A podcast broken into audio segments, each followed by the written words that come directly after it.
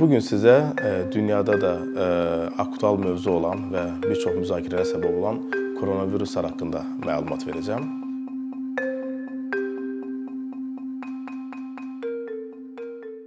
E, ümumiyyətlə koronaviruslar nədir? O bir RNT virusudur. Daha əvvəldən də bilinən bir virusdur və bir çox epidemiyalara da səbəb olmuşdur. Adından da görüldüyü kimi korona, yəni tac deməkdir. Yəni bu virusun strukturunda çıxıntılar olduğuna görə, taca bənzədiyinə görə taca bənzər virus, yəni koronavirus adı buradan götürülmüşdür. Koronaviruslar daha çox e, heyvanlarda görülməsinə baxmayaraq, yəni nə kimi heyvanlar, dəvələrdə, yarasılarda, ilanlarda, gəmicilərdə e, görülməsinə baxmayaraq ara sıra insanlara da yoluxma qabiliyyəti qazanaraq insanlarda da xəstəlik törədirlər. Ümumiyyətlə koronaviruslar 4 alt qrupu var. Alfa, beta, qamma və delta koronaviruslar.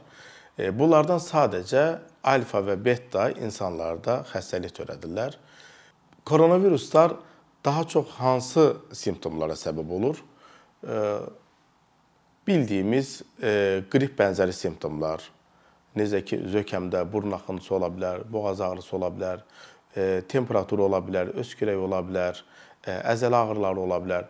Qrip bənzəri simptomlarla müşahidə olunur və bu çox vaxt spontan olaraq özdə sağalır.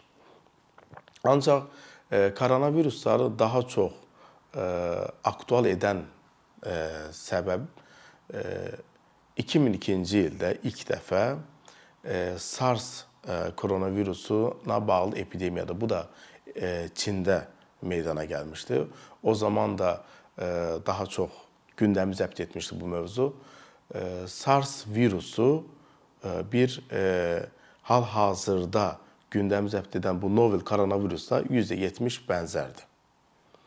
Yəni bu virus insanlarda da o zaman çox böyük ölümlərə səbəb olmuşdu. Eyni ilə öksürək, yüksək temperatur, e, qarın ağrısı, diareya, hətta e, nevroloji və nefrolojik e, fəsadlarla keçə biləcək bir virus və bununla da ölüm faizi daha da artmışdı. Ani başlayar, o da eyni ilə 2-7 gün bir inkubasiya dövrü var idi. Yəni ilk olaraq SARS virusu ilə gündəm zəbt edilmişdi. Daha sonra isə 2012-ci ildə MERS koronavirusu, yəni SARS-ın açılışı E, şiddətli kəskin tənəffüs çatışmamazlığı sindromu koronavirusu, MERS isə e, yaxın şərq respirator koronavirusu qısa olaraq belə adlanır. Bu da ilk dəfə Səudiyyə Ərəbistanında meydana gəlmişdi. E, orada da güman edilir ki, dəvələrdən keçib. Tam olaraq net bir bilgi yoxdur, amma güman dəvələrdə də tapıldığına görə dəvələrdən insanlara keçdiyi bildirilmişdi.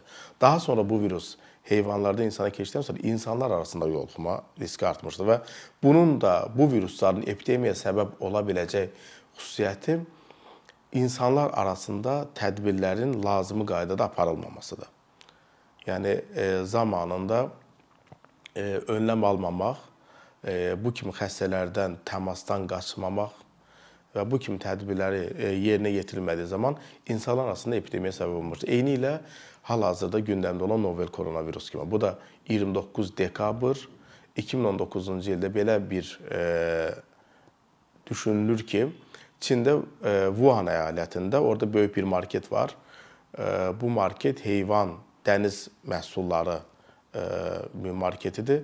O marketdə işləyən, çalışan 4 nəfər işçi də bu virus aşkarlanıb, daha sonra isə artıq yanvar ayından etibarən bu virus insanlar arasında da yayılmağa başlayıb. İlk öncə qidalarla keçdiyi düşünülərkən, yəni belə bir güman olunur ki, yarasalar və yarasaları yeyən ilanlardan e, bunu qida ilə tükətiblər. Oradan e, insanlara yoluxub. Amma net bir bilgi yoxdur. Yəni daha çox tənəffüs yolu ilə yoluxduğu önə sürülür, belə düşünülür.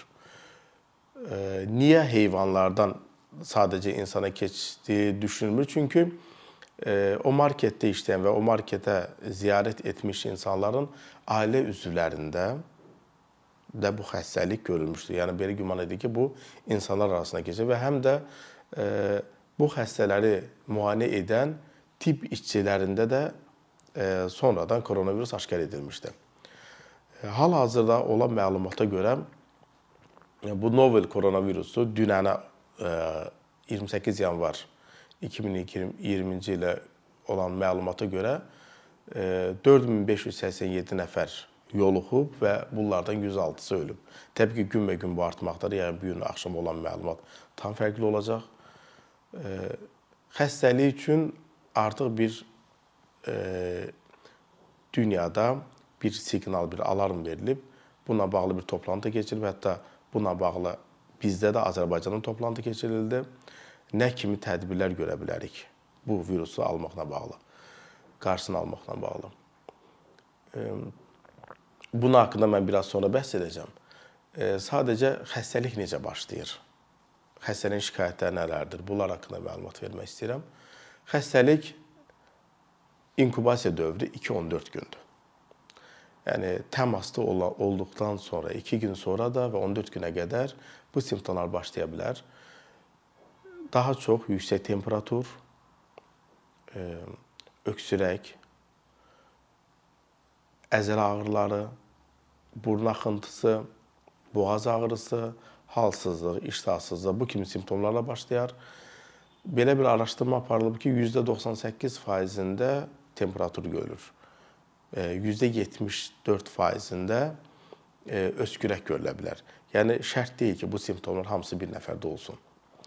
Daha az faizlərdə artıq əzələ ağrıları görülə bilər.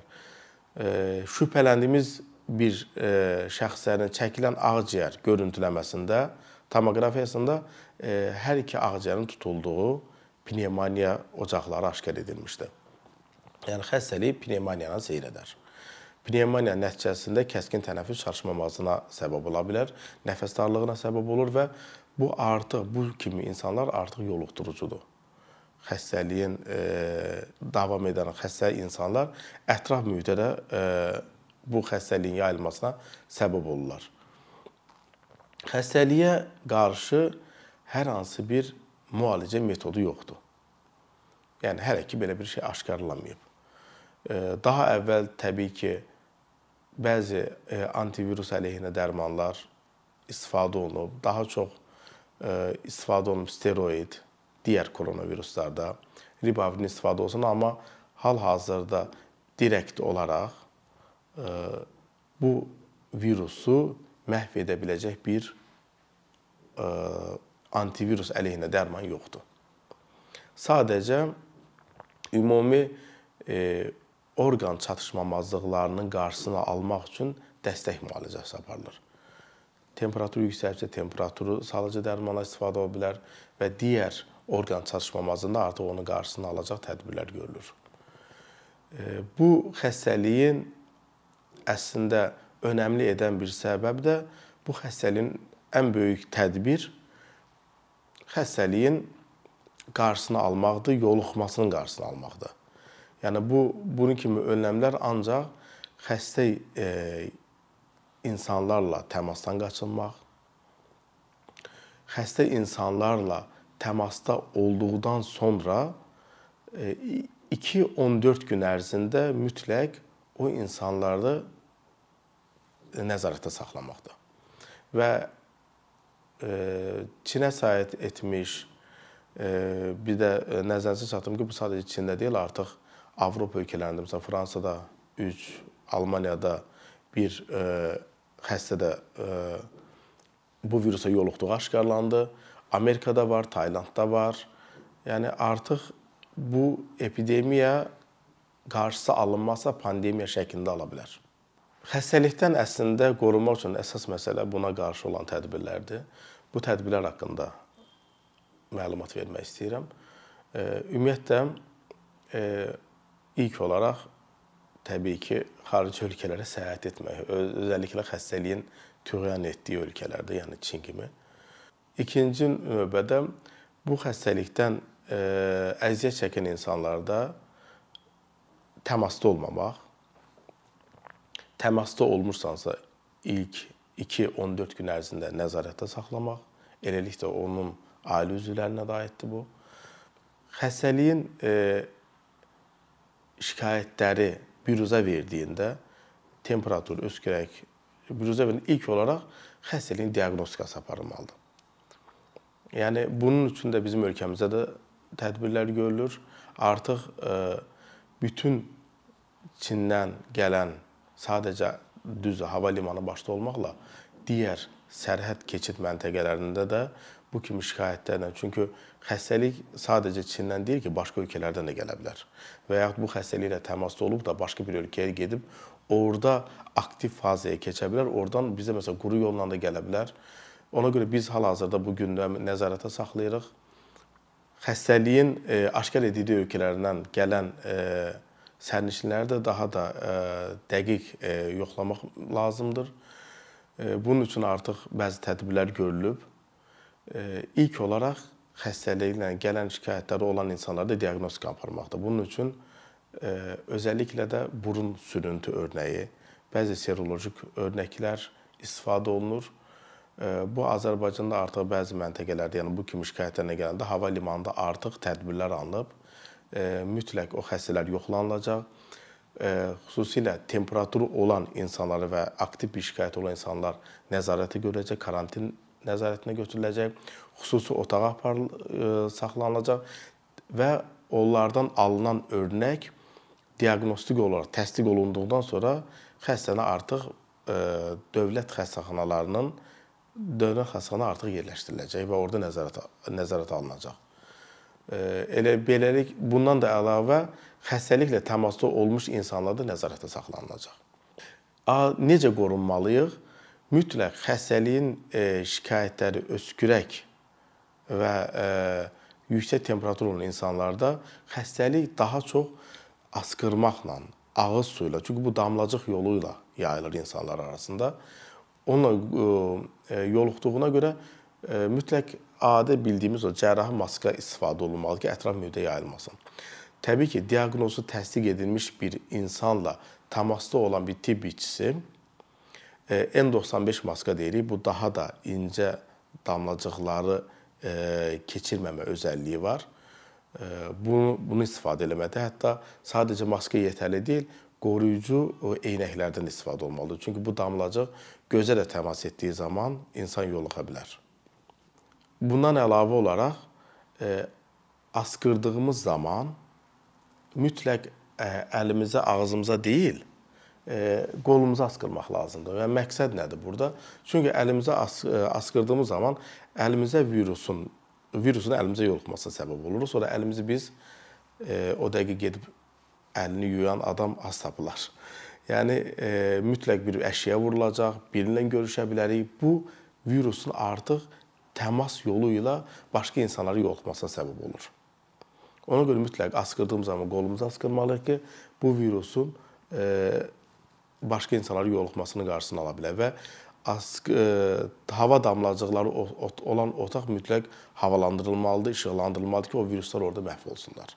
Çünki bu virus əslində bir insana yoluxması üçün ən azı 1 metrə olması lazımdır ki, minimum 1 metrdən uzaq olan bir insana yoluxma ehtimalı azdır. Amma təbii ki, havada bir as, biri askırsa, hava damlacıqları uzun müddət otaqda qala bilər. Və onun tənəffüs edərkən o artıq insana da, digər insana da yoluxa bilər.